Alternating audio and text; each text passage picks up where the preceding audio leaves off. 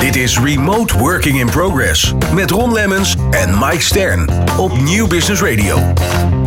Ja, je hoeft tegenwoordig maar een nieuwswebsite te openen of je komt artikelen tegen over AI. En vaak gaat het in het eh, specifiek over de open AI ontwikkelde chatbot ChatGPT. Waar liggen de voor- en nadelen en hoe kan het ingezet worden voor hybride werken? En de vraag is natuurlijk, is er toekomst voor? Ik ben Ron Lemmens en met Mike Stern gaan we er tijdens eh, deze Remote Working in Progress over in gesprek met Jasper Villon van Audiocodes en Richard van Dilborg van Covins. Luister elke vierde vrijdag van de maand tussen 2 en 3 naar Remote Working in Progress met Ron Lemmens en Mike Stern op Nieuw Business Radio. ChatGPT. Ehm, ik denk dat het drie, vier maanden geleden is geweest dat ik er voor het eerst van gehoord heb. Nou ja, dat uh, geldt uh, voor mij hetzelfde. En misschien voor onze gasten iets minder. Want die zitten natuurlijk dagelijks in de materie. Vandaar het ook leuk was om hun uit te nodigen. Maar uh, ja, AI, chat, GPT, noem het maar op. Dat is een van de redenen dat we vanuit het summit natuurlijk alle minuten op ingesprongen zijn. Van dat moet er ook bij. Want dat heeft een, dat horen we straks wel, grote invloed ook op het, het hele hybride en het anders werken. En uh, ja, ik, ik ben heel nieuwsgierig. Want ik heb natuurlijk even kort met de heren voorgesproken. Maar ik heb al dingen gehoord waar ik echt sta te tuteren met mijn oren.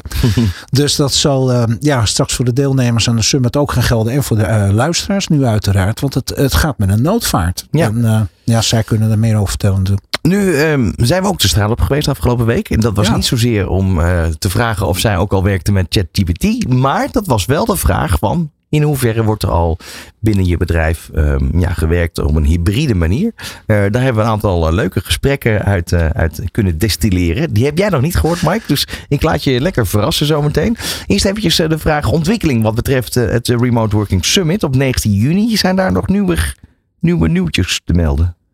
Nou ja, met name natuurlijk dat we, uh, uh, zoals ik net al aangaf, dat we de allernieuwste ontwikkelingen, trends uh, ook op deze onderwerpen natuurlijk mee gaan nemen tijdens de summit. jullie zijn er uiteraard aanwezig. we zitten hier op het Mediapark 19 juni, vlak naast het Museum voor Media Museum voor Beeld en Geluid, waar jullie ook zitten.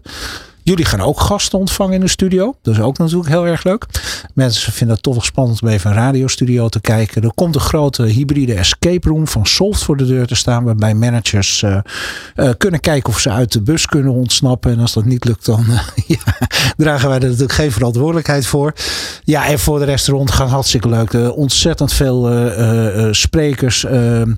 Allerlei verschillende onderwerpen. We hebben laatst hebben we luitenant-kolonel Harold Keldermans in in de studio hier gehad. Die gaat ook een lezing geven over werkgeluk. Nou ja, super interessant. We gaan natuurlijk naar ICT kijken, cybersecurity. Inmiddels heeft het Digital Trust Center heeft zich uh, ook aangesloten bij, uh, bij de summit. Het uh, broertje of zusje van het Nationaal Cybersecurity Centrum. Dus ja, en natuurlijk op het gebied van IT, de nieuwste ontwikkelingen, personeel, welzijn, noem het maar op. Het te veel om op te noemen, maar het gaat hartstikke leuk en het wordt volle bak. Leuk. Ja. En voordat we dus over de laatste ontwikkelingen gaan spreken, eerst even terug naar de basis. Hè? Want ja. daarmee zijn we de straat op gegaan. De vraag, wordt er überhaupt al hybride gewerkt binnen je bedrijf. En dat deed ik overigens niet alleen, dat deed ik samen met mijn collega Joël Visser. Werk je, je werkt dus hybride. Uh, hoe vaak uh, werk je thuis? Zo vaak als ik wil eigenlijk. Dus uh, soms een hele week, maar soms twee dagen per week. Maar het is wel leuk om op kantoor te zijn. Dus, eh. en wat maakt het leuk om toch weer op kantoor te zijn? Ja, toch een beetje sociale contacten. Die heb je niet als je thuis zit de hele dag. En, en hoe vind je dat het bedrijf is met eigenlijk de ontwikkeling van het hybride werken? Zijn er nog dingen waarvan je zegt van daar, daar kunnen ze nog wel in investeren? Of dat beleid kan nog wel een beetje aangepast worden? Goeie vraag, maar ja, weet, het is gewoon de, de keuze die je hebt. Dat vind ik al ja, veel beter dan dat kan het niet. Dus ja, en, en het kantoor moet ook een beetje goed ingericht blijven. Was dit voor coronatijd ook al het geval? Uh, dus zat ik bij een andere, ander bedrijf. Dus uh, ja, en daar waren ze heel strikt. Daar moest je echt op kantoor werken. Als je dan nu de, de verschillen moet, uh, moet omschrijven in een cijfer, wat, wat, wat zou je dan, waar zou je voor kiezen? Hybride werken of op kantoor werken en eigenlijk de andere dagen zijn? Sowieso hybride, maar ik denk half-half is het leukste. Ja, jullie werken dus ook hybride? ja, op zich valt het wel mee hoor. Ik denk dat ik vier of vijf dagen gewoon op kantoor werk.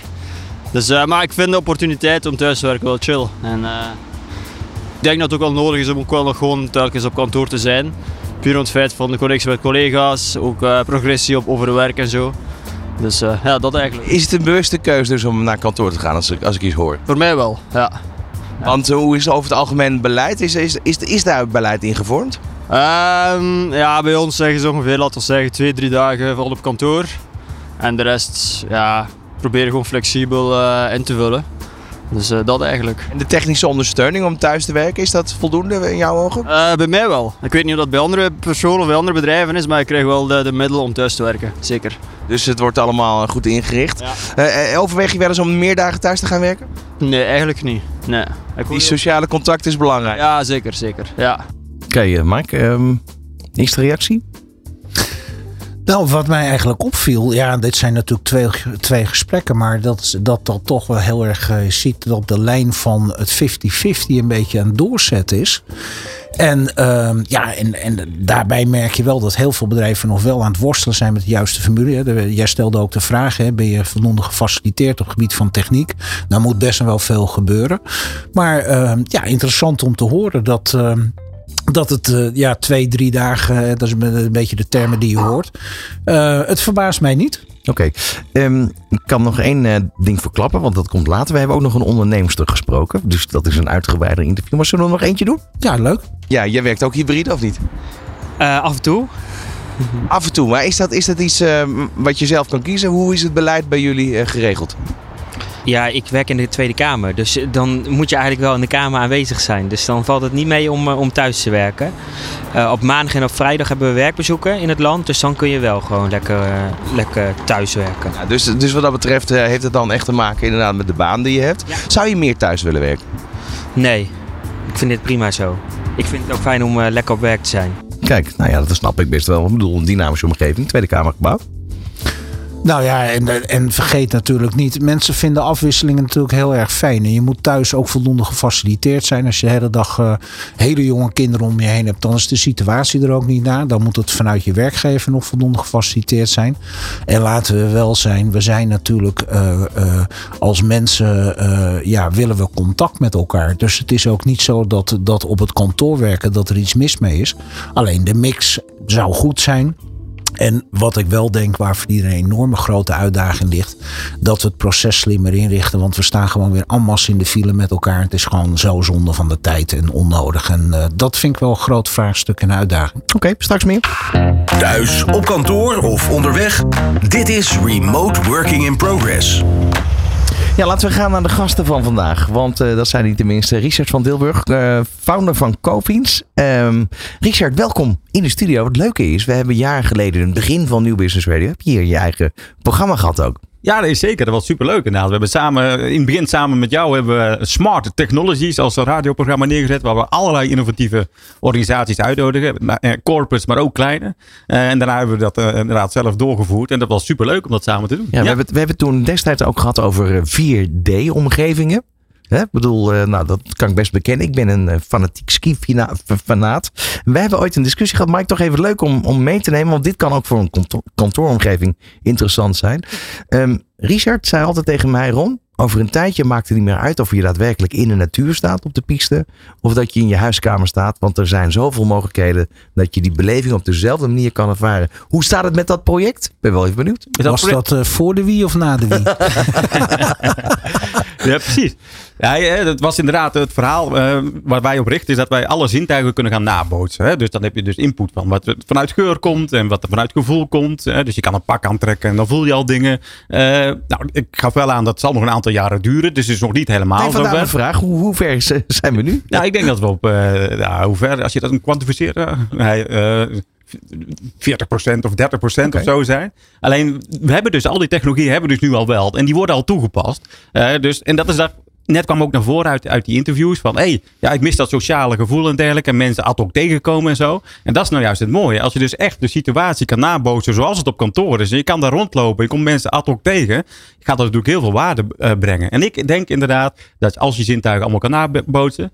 Sommige mensen kijken misschien Star Trek, holodeck of zo. Hè, dat je dus dan echt zulke soort eh, sociale, eh, sociale ja, betrekkingen weer opnieuw gaat krijgen. Ja. ja.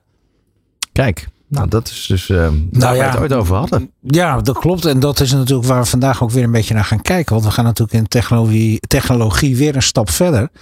En we hebben natuurlijk ook al, we hebben voor jou dingen ook al tijdens de summit gezien, eh, Richard. Hè, wat je eh, hebt laten zien. Wat je ook al qua kantooromgeving daarin in aan het nabootsen bent. En wat natuurlijk ook wel heel erg interessant is. Want jij hebt het over dimensies hè, van ruiken, voelen, noem het allemaal maar op.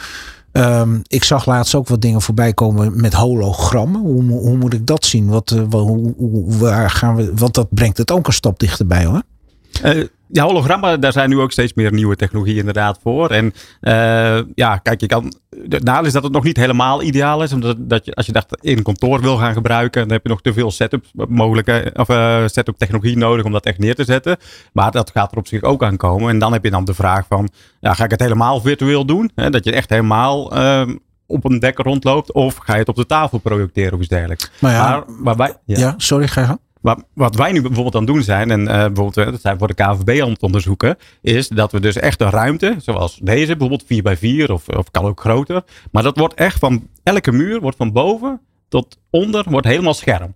Ja, dus, heb je, dus het is niet een schermpje van tevoren, zeg maar, eh, waar je, eh, weet ik veel, Je eh, staat er gewoon in als het je staat ware. er daadwerkelijk in. Ja, ja. En dat heeft heel veel voordelen. Dat je dus allerlei data veel meer inzichtelijk kan maken. Maar ook het sociale aspect. Hè? Dus mensen worden ook teams moe omdat ze elke keer naar de schermpje kijken. Eh, dat is één. Maar twee is ook, eh, als je hybride vergadert, heb je vaak één presentatiescherm. En daar heb je dan 90% is dan vaak de presentatie zelf. Of eh, gewoon de, de, weet dat, het scherm delen of iets dergelijks. En de mensen die thuis zitten, die zitten zo eh, vijf centimeter rechts onderin. Dus er zit dus totaal nul non-verbale communicatie die je kan meekrijgen als je voor zo'n scherm staat. Hè, als je in zo'n eh, kamer zit met zo'n scherm. En dus wat wij nu aan het doen zijn, als je dus die muren volledig hebt, zie je dus de mensen echt levensgroot met alle non-verbale communicatie. Zodat je veel meer mensen kan betrekken en zo. Dus daar zijn heel veel technologieën die daar echt een bijdrage aan leveren. Ja, wanneer gaat, wanneer gaat want we, we, hebben het, eh, steek nog in de promo van dit programma, hebben we het over eh, de vraag wanneer eh, vergaderen we met hologrammen aan tafel? Wanneer wordt dit echt werkelijkheid, denk je? Ja, dan is de vraag wat de definitie van hologram is, want je zou het nu al kunnen doen. Eh, maar eh, Maar wanneer wordt het eh, voor iedereen bereikbaar? Laten we daarop eh, op stellen. Eh, wat ik net eh, ja, ik denk dat dat nog ietsje langer zal duren. Maar wat ik net zei van die schermen. Hè, dat, wij zijn nu een hele goedkope setup aan het maken. En dan heb je voor, eh, ja, voor- ja, voor een aantal K, zeg maar, heb je gewoon zo'n setup staan. En dan zit je daar helemaal in. Eh echt hologrammen, denk ik dat het net iets te bewerkelijk nu op dit moment is. En dat het net iets te, te- te- te- nog iets te lastig is. Zeg maar. Maar dat is wel wat je vaak terug hoort, Mike, toch? De non-verbale communicatie, dat wordt vaak gemist bij die teamsgesprekken. Ja, dat klopt inderdaad. En ik denk buiten het feit ook qua interactie. hè, Je hoort het ook vaak. Ik merk dat zelf ook wel als je eh, op een dag veel gesprek hebt. En je zit eigenlijk alleen maar in dat scherm te turen. Dat, eh, dat eh, eh, vermoeit enorm. Het, eh, de, het zet niet echt aan tot. Ik heb even een vraagje, Richard. Wat jij net vertelde. Hè? Want als je bijvoorbeeld naar de game-industrie kijkt. Hè, je ziet hoe dat in een aantal jaren tijd eigenlijk daar enorm veel dingen gebe- gebeurd zijn. Als je ook kijkt hoe alles qua, qua visuals eruit ziet. En, en eh, eh, het materiaal waar daarmee gewerkt wordt. Hebben zij ook een belangrijke rol om dit proces nog verder te versnellen? Ja, nee, zeker. Ja, net zoals bij NASA was volgens mij het idee van, of, eh, vanuit Defensie was het idee van internet ontstaan. En, en daardoor zijn bouwblokjes ontstaan die herbruikt konden worden in ja, wat we nu het internet hebben. Datzelfde geldt voor de gaming. Hè. Dus wat wij ook doen met ons platform is ook gebaseerd op diverse gaming technologieën. Ja. die dus ontwikkeld zijn voor, ja, voor, voor, voor de games. En die nu helemaal tot wasdom komen om het echt veel gebruikersvriendelijker te maken en intuïtiever. En dat je er tegenaan kan praten in plaats van, oh ik zie van die standaard schermpjes met knopjes en zulke soort dingen. Gaan eh, straks uitgebreid verder met jou praten, Richard. Want ik wil graag ook eventjes naar onze volgende studiogast, die vanmiddag ook eh, aangeschoven is. Jasper Villon, sales engineer Benelux bij en Nordics bij AudioCoach. Wat doen jullie precies, eh, Jasper? Ja, wij noemen ons vanuit AudioCoach altijd de voice company. Dus wat wij doen is wij maken technologie, wij maken oplossingen om mensen te helpen om met spraak met elkaar te communiceren. Ehm, je ziet toch, non-verbaal ben ik heel met jullie eens. Super belangrijk. Als je dat mist in een conversatie, dan, dan mis je echt een belangrijk deel van de interactie. Maar uiteindelijk, spraak is degene waarop wij als mensen het makkelijkst met elkaar kunnen communiceren. Waar we het snelst informatie kunnen overbrengen. Ehm, en daar proberen wij ons op te richten om te zorgen dat mensen dat zo efficiënt mogelijk kunnen doen. Ja, want eh, bedoel, in de, in de radio, eh, audio wereld eh, werken wij met audio codecs. Dat is wat anders dan audio codes. Eh, maar wat met audiocodex gebeurt, is dat de, de stem in zijn volle vermogen eh, over eh, ja, de lijn getransporteerd wordt. Waardoor je eigenlijk vol met elkaar kan spreken. En je en niet eens hoort dat je niet bij elkaar in de studio bent. Nu zie je vaak bij vergaderingen, bij teamsmeetingen en zo, dat daar de geluidskwaliteit nog heel erg achterblijft. Is dat iets waar jullie bijvoorbeeld ook mee bezig zijn? Ja, ja, is absoluut een aandachtspunt voor ons. En is ook een, hè, als we het dan hebben over adoptie van hybride werk en wat heb je ervoor nodig om daar succesvol in te zijn. Ehm, een goede gesprekskwaliteit op kantoor, waar je een hele ruimte hebt ingericht, dat is makkelijk. Maar wat zien we vervolgens gebeuren? En corona heeft er natuurlijk enorm aan bijgedragen. Mensen gaan ehm, op het terras zitten te werken. Mensen zitten op wifi achter in de tuin. Mensen zitten ehm, op hun mobiel terwijl ze een wandeling aan het maken zijn. En dan heb je niet die volledige professionele omgeving die je in een kantoorgebouw kunt realiseren. En da dat is waar denk ik de uitdaging ligt om te zorgen dat je ervaring dan ook hoogwaardig is. Ehm, om te zorgen dat die mensen ook onderdeel zijn van de mensen die wel op kantoor zijn. Want dat is uiteindelijk de uitdaging. Zorg dat die mensen op kantoor verbindenis hebben met de mensen die thuis aan het werk zijn. Maar het is niet zoiets dat je, dat je eigenlijk als organisatie, want ik kan me ook voorstellen dat je er wel spelregels aan uh, verbindt. Dat op het moment dat je op afstand werkt en dat je dan niet op kantoor bent, maar ergens in het buitenland, uh, doe dat dan wel in een omgeving waar je rustig kan werken. Ik kan me voorstellen dat dat wel een spelregel zou kunnen zijn binnen een organisatie. Ja, ik denk dat ieder bedrijf wat serieus met hybride werken aan de slag wil gaan. En in mijn ogen moet dat ieder bedrijf zijn. Anders dan kom je gewoon niet meer mee in de huidige tijd. Je, je moet daar ook beleidsmatig mee aan de slag zijn. En je moet inderdaad nadenken over wat vind ik wel oké voor mijn mensen. Wat vind ik niet oké voor mijn mensen. Um, wil jij een jaar gaan backpacken in, uh, in Australië en vanuit daar je werk doen? En dan mag je er als werkgever best eisen aan stellen. Dat je zegt van ja, zorg dan wel dat je een goede 4G-verbinding hebt. Of dat je zorgt dat je hotels hebt waar je goed kan werken. Daar moet je iets mee. Ja, en wat is jullie missie op dit moment? Wat, wat is het belangrijkste? Waar, waar zit je in het hoofdstuk? Um, wij hebben, we hebben heel veel technologie. Ja, is van oudsher echt een technologiebedrijf. Wij zijn ooit begonnen met, met audiocodexen te maken.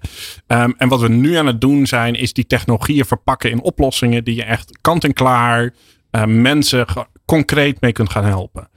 Um, en dat betekent ook dat we ons partnerlandschap, Audicus is echt partnergedreven organisatie, dat we hen ook helpen. Dat bijvoorbeeld ook iemand met een achtergrond in werkplekbeheer, iemand die heel goed is in laptops beheren, in mailservice beheren, dat die ook aan de gang kan met hybride werken, met voice oplossingen. Zorgen, zorgen dat het bereikbaar is voor iedereen. Dus daar gaan we straks uitgebreid over verder praten. ChatGPT ligt het ook daarin in dat Daar verlengde? doen wij zeker ook leuke dingen mee, absoluut. Oké, okay, daar zometeen meer over. Thuis, op kantoor of onderweg. Dit is Remote Working in Progress. Ja, het is vrijdag. Het is de vierde vrijdag van de maand. En dan hebben we het altijd over Remote Working in Progress. En daar is heel veel progress. Um, ja, uh, Mike, we hadden het er net eventjes over buiten de uitzending om. Uh, via LinkedIn komen er af en toe reacties binnen. Dat is wel heel erg leuk over dit programma. Met name over al die nieuwe ontwikkelingen die er gaande zijn. En uh, ja, als je hybride werken nog, nog steeds beetpakt bij de term. Er zit zoveel meer achter dan, dan menig een denkt. Um, daar ben je eigenlijk die Remote Working Summit voor gestart, toch? Ja, dat klopt. Omdat, uh, nou jij zegt het heel treffend, er zit zoveel achter.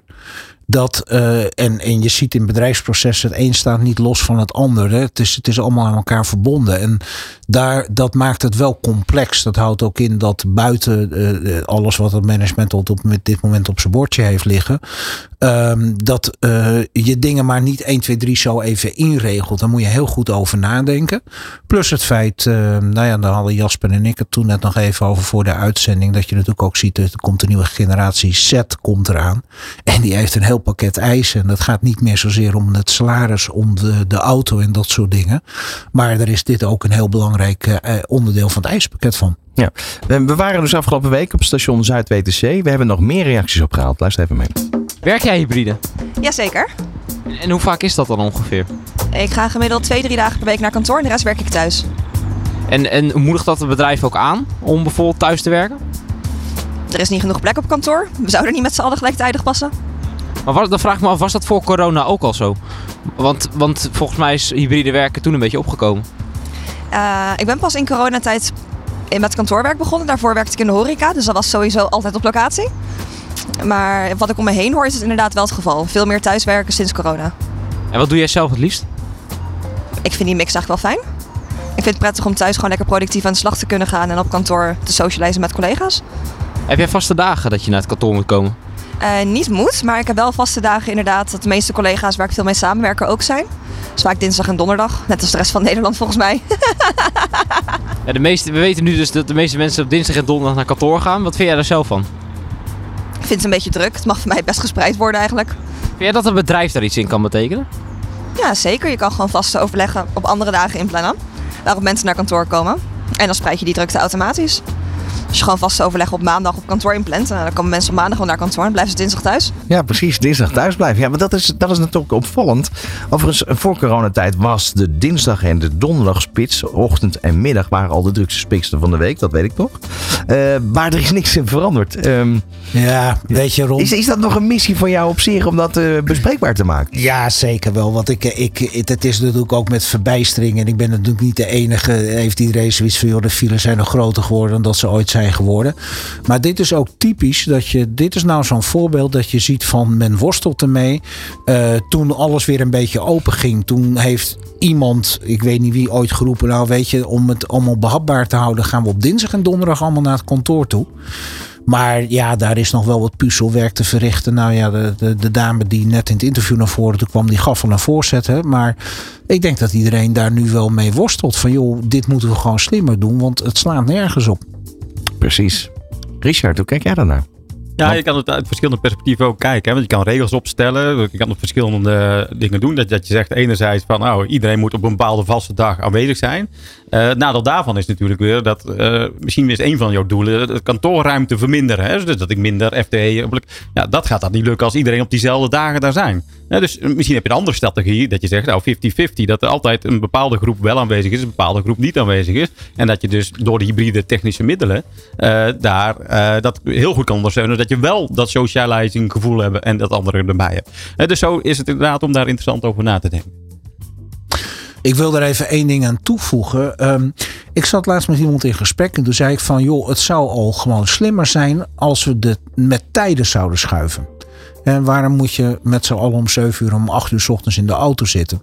En toen zei iemand tegen mij, en dat is dus ook een leerproces. En dat komt ook weer bij dat worstelen weer terug. En voldoende inzicht of wat het ook mag zijn.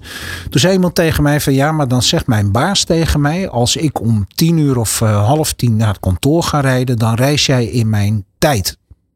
Ja, en toen had zoiets van, dan moeten we nog een hele hoop leren. Want dat, dat- ja, dat, dat...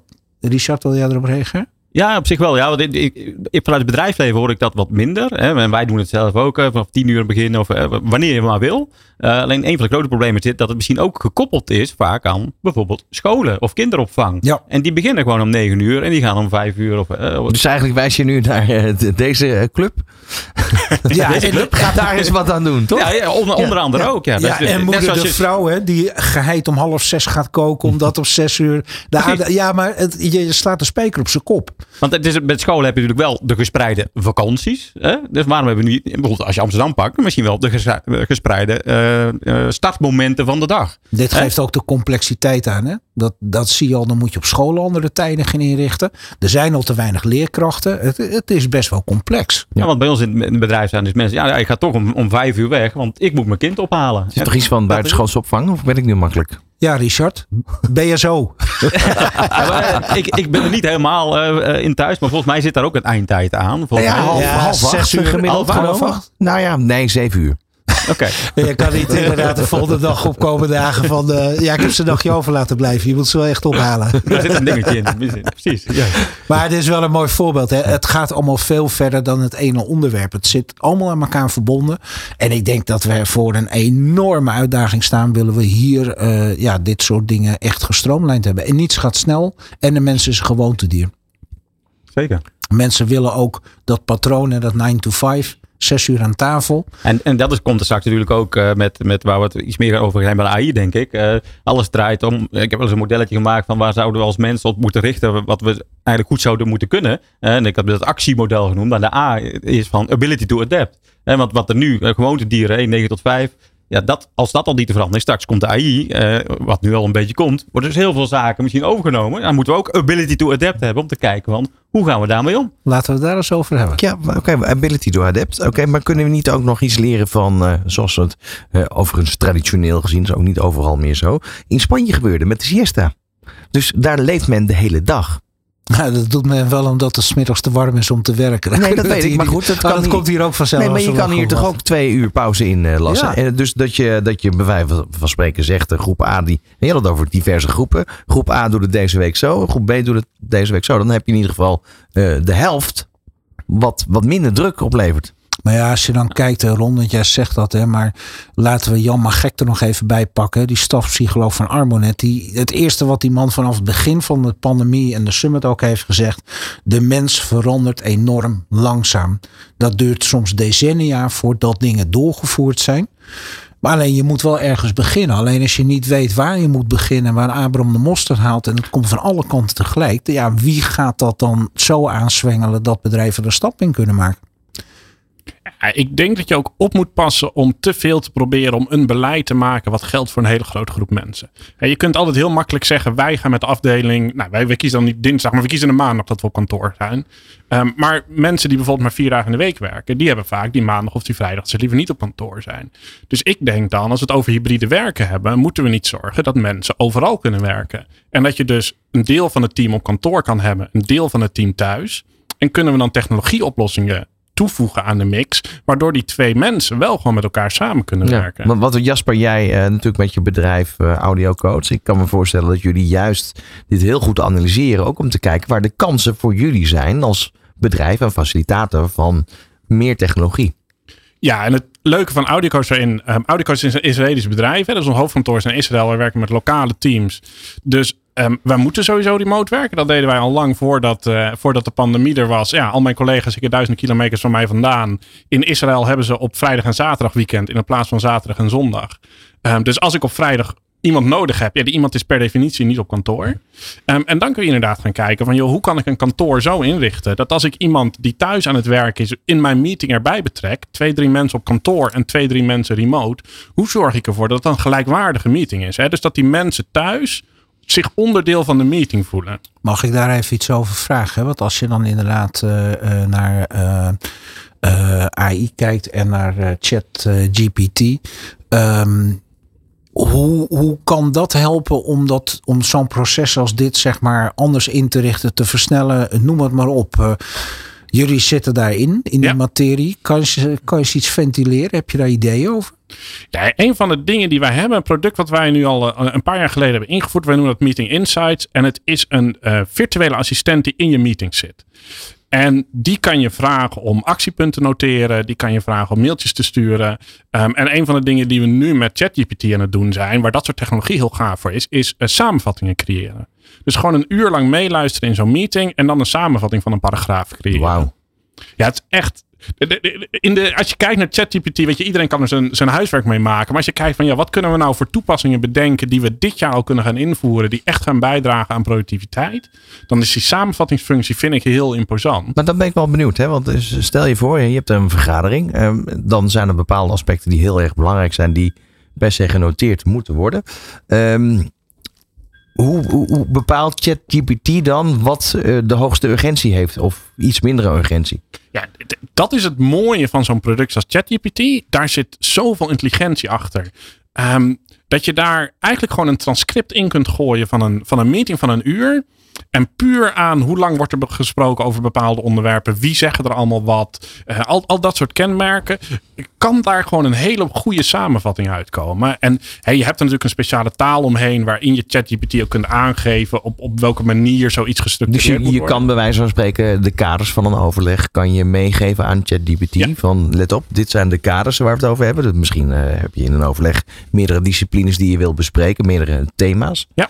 En dan wordt daaruit uh, eigenlijk gedistilleerd wat dan het belangrijkste is en wat misschien iets minder belangrijk is om op dat moment te noteren. Ja, precies. En, en daar zorg je dus mee dat mensen die niet de hele meeting hebben kunnen meepakken, omdat ze inderdaad kinderen van school moesten halen, wat dan ook, um, achteraf zo'n samenvatting kunnen lezen. En eventueel op basis van de samenvatting kun je dan ook zeggen van oké, okay, dan wil ik dat stukje van de meeting wil ik specifiek terugluisteren.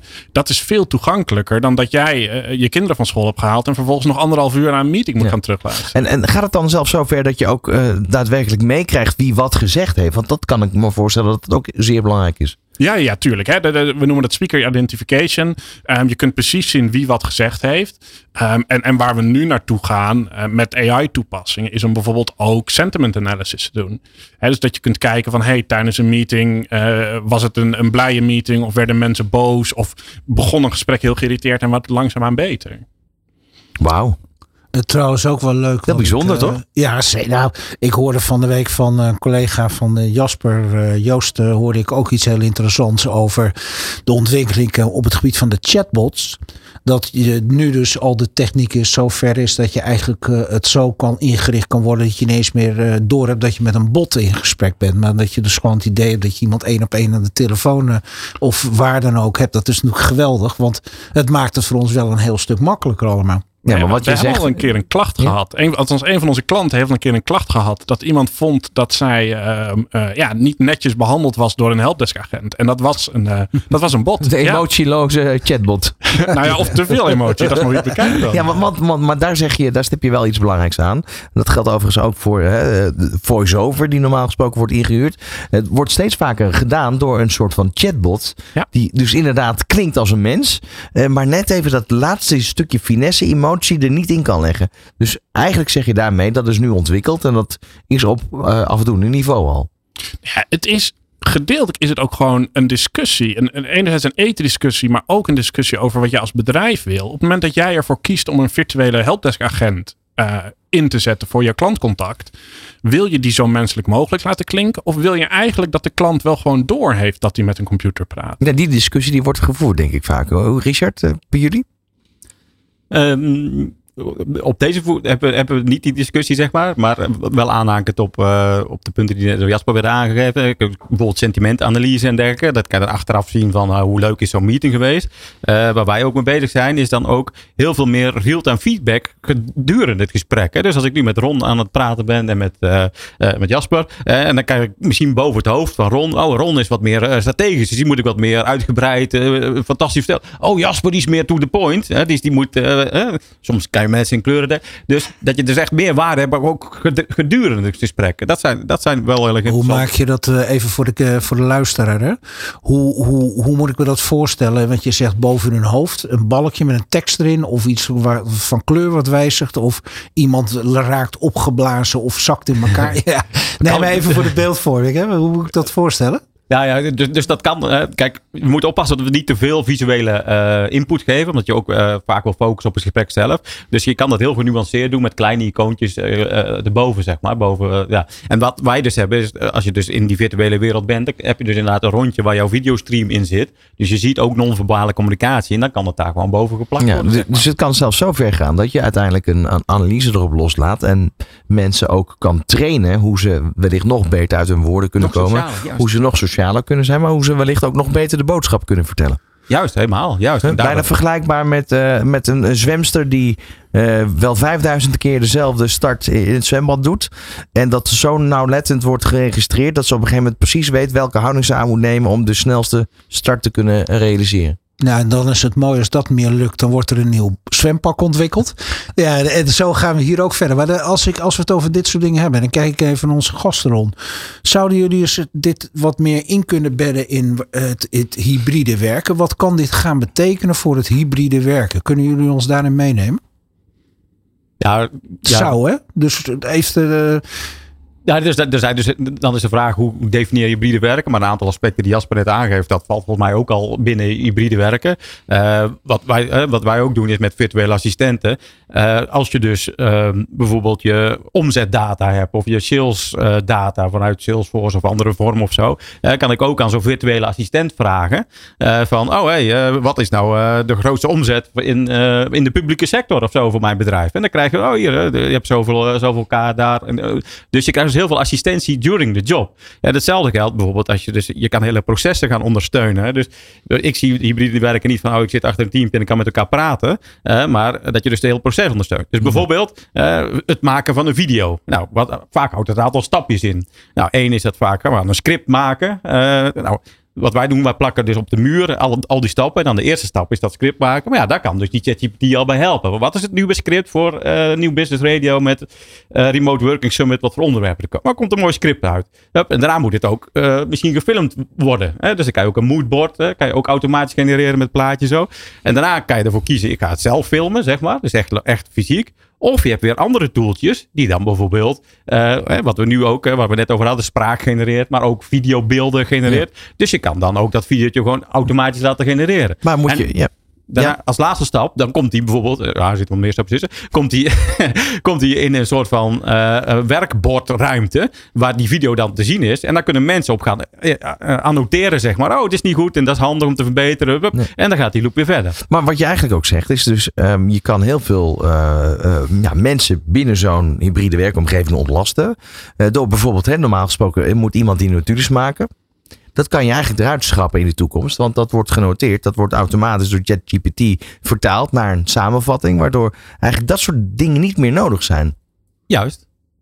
Ja, klopt. En hoe, hoe ver weg is dat uiteindelijk? Is dit eh, iets wat binnen een jaar.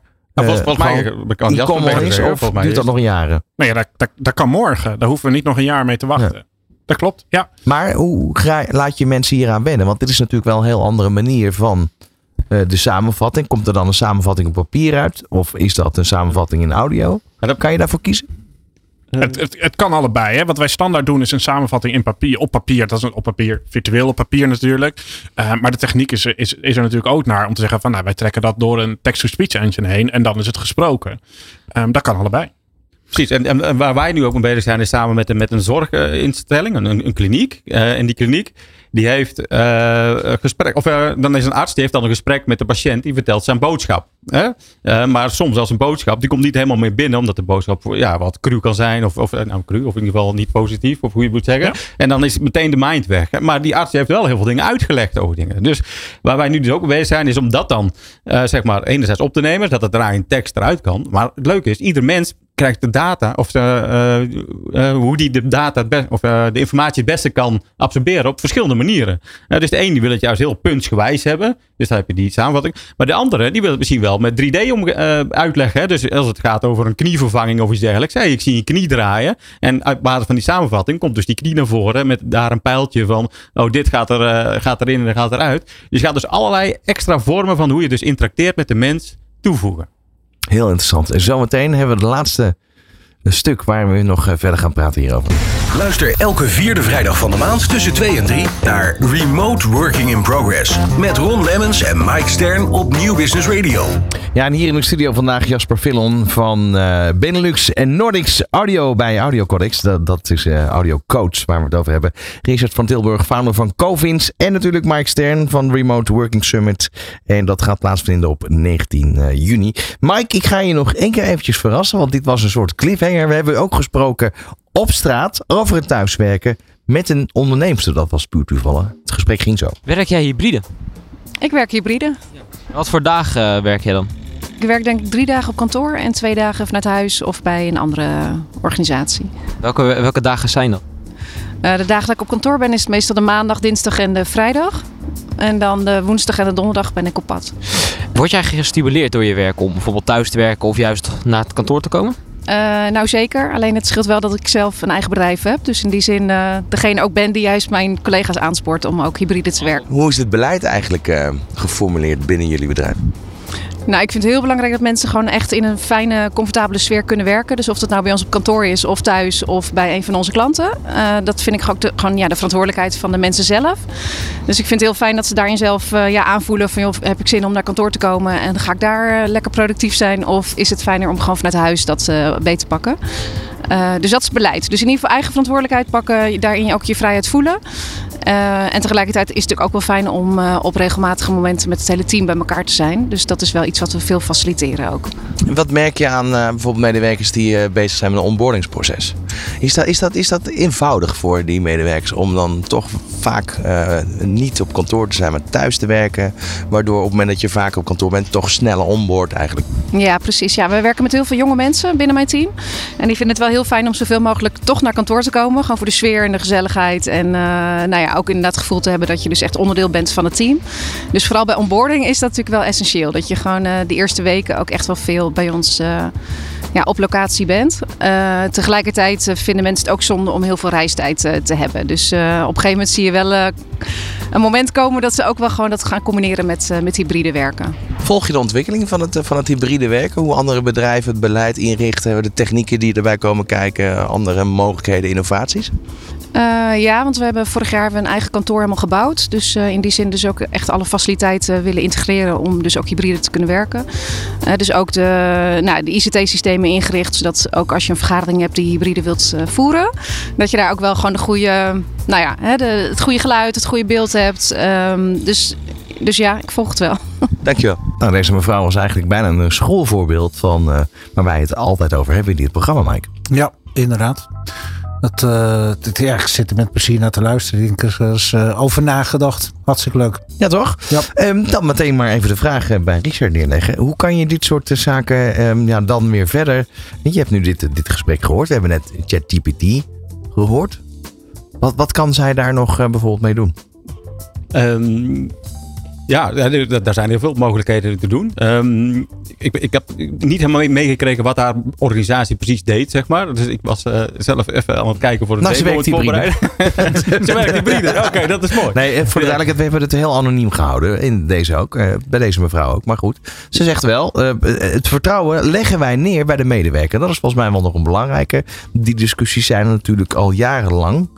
Uh, rondom het hybride werken. Dat ging altijd op basis van uh, vertrouwt mijn manager mij wel. Dat hebben we heel vaak bij horen komen. En zij geeft het vertrouwen volledig aan die medewerkers.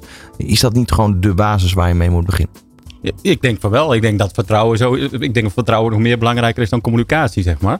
Uh, heel vaak wordt er gezegd: oh, we moeten veel meer communiceren. Maar als ik jou kan vertrouwen, dan weet ik dat het goed komt, zeg maar. Hè? Dus ik denk dat vertrouwen een van de basisdingen is om dat inderdaad te regelen. Als je dat goed voor elkaar kan krijgen bij je personeel, is het goed. En als het vertrouwen schade, ja, dan, dan is de vraag: is het wel het juiste personeel of dat bij jou past, zeg maar? Nou, je hoort ook wel eens nu de discussies naar voren komen. Dat mensen natuurlijk in de afgelopen twee jaar. Hè, dat vertrouwen, dat was dan een issue. Ik heb het idee dat dat wel wel heel erg aan het bijtrekken is. Maar mensen hebben natuurlijk een bepaald ritme opgebouwd. En in één keer kan het ook zo zijn dat de andere partner in één keer de kinderen om 12 uur of half één uit school haalt. Maar wat je dan krijgt is dat iemand bijvoorbeeld contact zoekt of belt. En die krijgt als antwoord: Ja, ik kan nu even niet, want ik moet mijn kinderen van school halen. Ja, ik zie jullie al lachen. Maar dat je dan een tegenreactie van collega's krijgt: Ja, joh, wat is het voor poppenkast? We zijn toch gewoon aan het werk. En dat geeft frictie.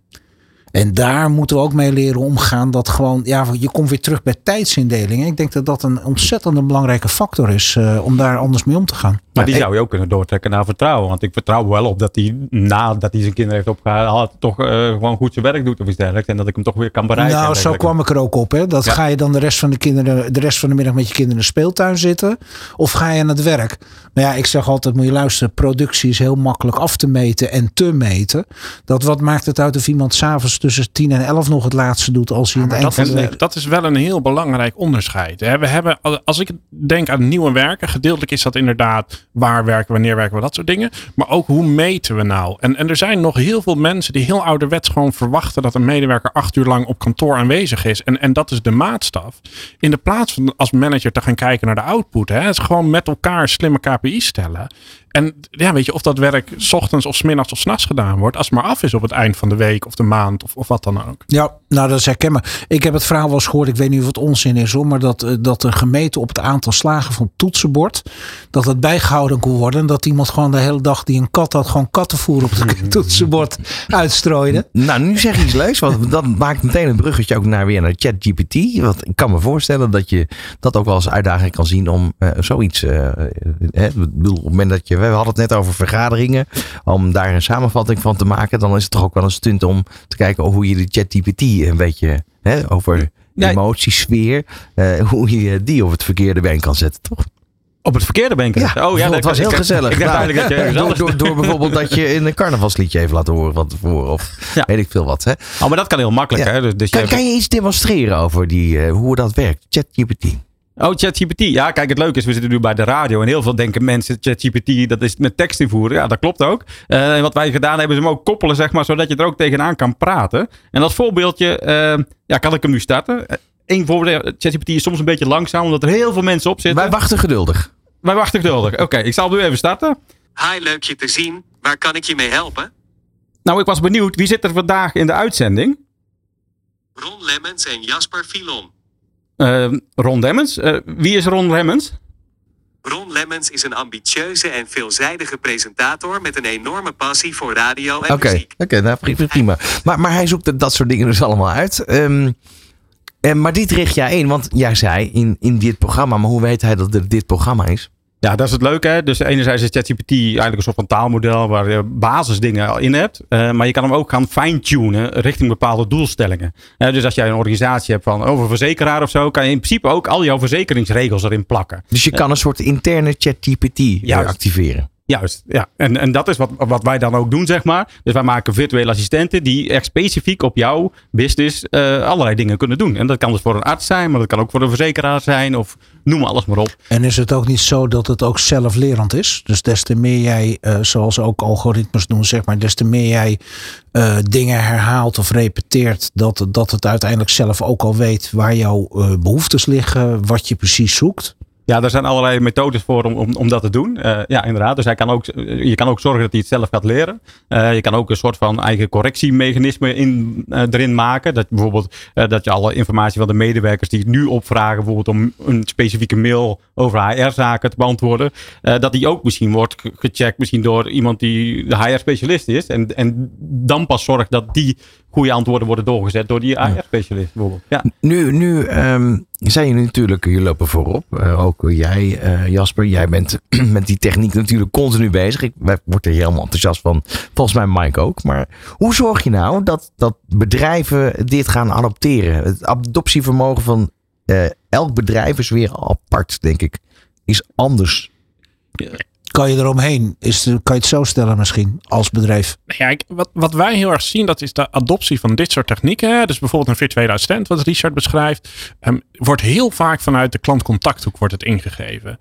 Ehm, klantcontacthoek, eh, de traditionele 0900 helpdesk, wordt toch vaak gezien als kostenpost. Op het moment dat je daar eh, een virtuele assistent kunt gaan toepassen, ja, die business case is heel makkelijk te maken. De afgelopen jaren zien we veel bedrijven die moeite hebben met het vinden van personeel. Ehm, dus als je ervoor kan zorgen dat het personeel wat je binnenhaalt niet de repeterende vragen aan de telefoon hoeft te beantwoorden, maar alleen maar de uitdagende casus krijgt waar jij je virtuele assistent niet op getraind hebt, dan is het voor mensen veel interessanter om voor jou te werken. Ik heb dat gehad bij energiemaatschappij. Die bleef maar steeds die vervelende dezelfde antwoorden geven. Die, eh, die, die bot. Toen dacht ik wel van nou nu is het tijd dat ik een medewerker spreek. Dat is niet gelukt. Dus het kan op dit moment nog qua ontwikkeling in je nadeel werken, toch? Ja, als je aan mij vraagt waar moet je als bedrijf op letten als je met een virtuele assistent aan de slag gaat, is ervoor zorgen dat de handover van die virtuele assistent naar een, naar een echte agent, die is super belangrijk. Die moet op tijd gebeuren, zodat je inderdaad niet wat jij hebt gehad heel lang tegen zo'n bot aan blijft te praten. Ja, nu smeken ze of ik terugkom, maar ik kom niet meer terug. Nee, ja, terecht. terecht. Nee, maar dat, dat moet je ook niet doen. Hè? En, en als jij heel geëmotioneerd opbelt, dan moet je misschien die bot meteen helemaal overslaan. En dat kunnen we detecteren. Dan kunnen we zeggen, nou, deze meneer is zo boos, die gaan we gewoon meteen een medewerker lijgen. Maar dat is heel belangrijk. Zorgen dat die medewerker alle gesprekshistorie krijgt, zodat je geen vragen hoeft te herhalen. Ehm, dat, ja, dat is denk ik de truc. Wauw. Nou, ehm, we kunnen hier nog uren over doorpraten. Helaas, de uitzending zit erop. Ehm, tijdens de Remote Working Summit ehm, zijn jullie alle twee natuurlijk eh, waarschijnlijk aanwezig daar. Absoluut. Gaat er uitgebreid over doorgesproken worden, Mike. Ontzettend leuk. Dat was hem weer voor vandaag. Remote Working in Progress. En volgende maand zijn we weer, vierde vrijdag. En dan is de laatste uitzending voordat Remote Working Summit gaat plaatsvinden op eh, 19 juni. Dankjewel voor de komst naar de studio, Jasper Villon en Richard van Tilburg. En natuurlijk Mike Stern. Dank je. Wil je deze aflevering terugluisteren? Dan kan dat natuurlijk via nieuwbusinessradio.nl. Over vier weken zijn we er weer met een splinternieuwe aflevering. Tot dan. Luister elke vierde vrijdag van de maand tussen 2 en 3 naar Remote Working in Progress. Met Ron Lemmens en Mike Stern op Nieuw Business Radio.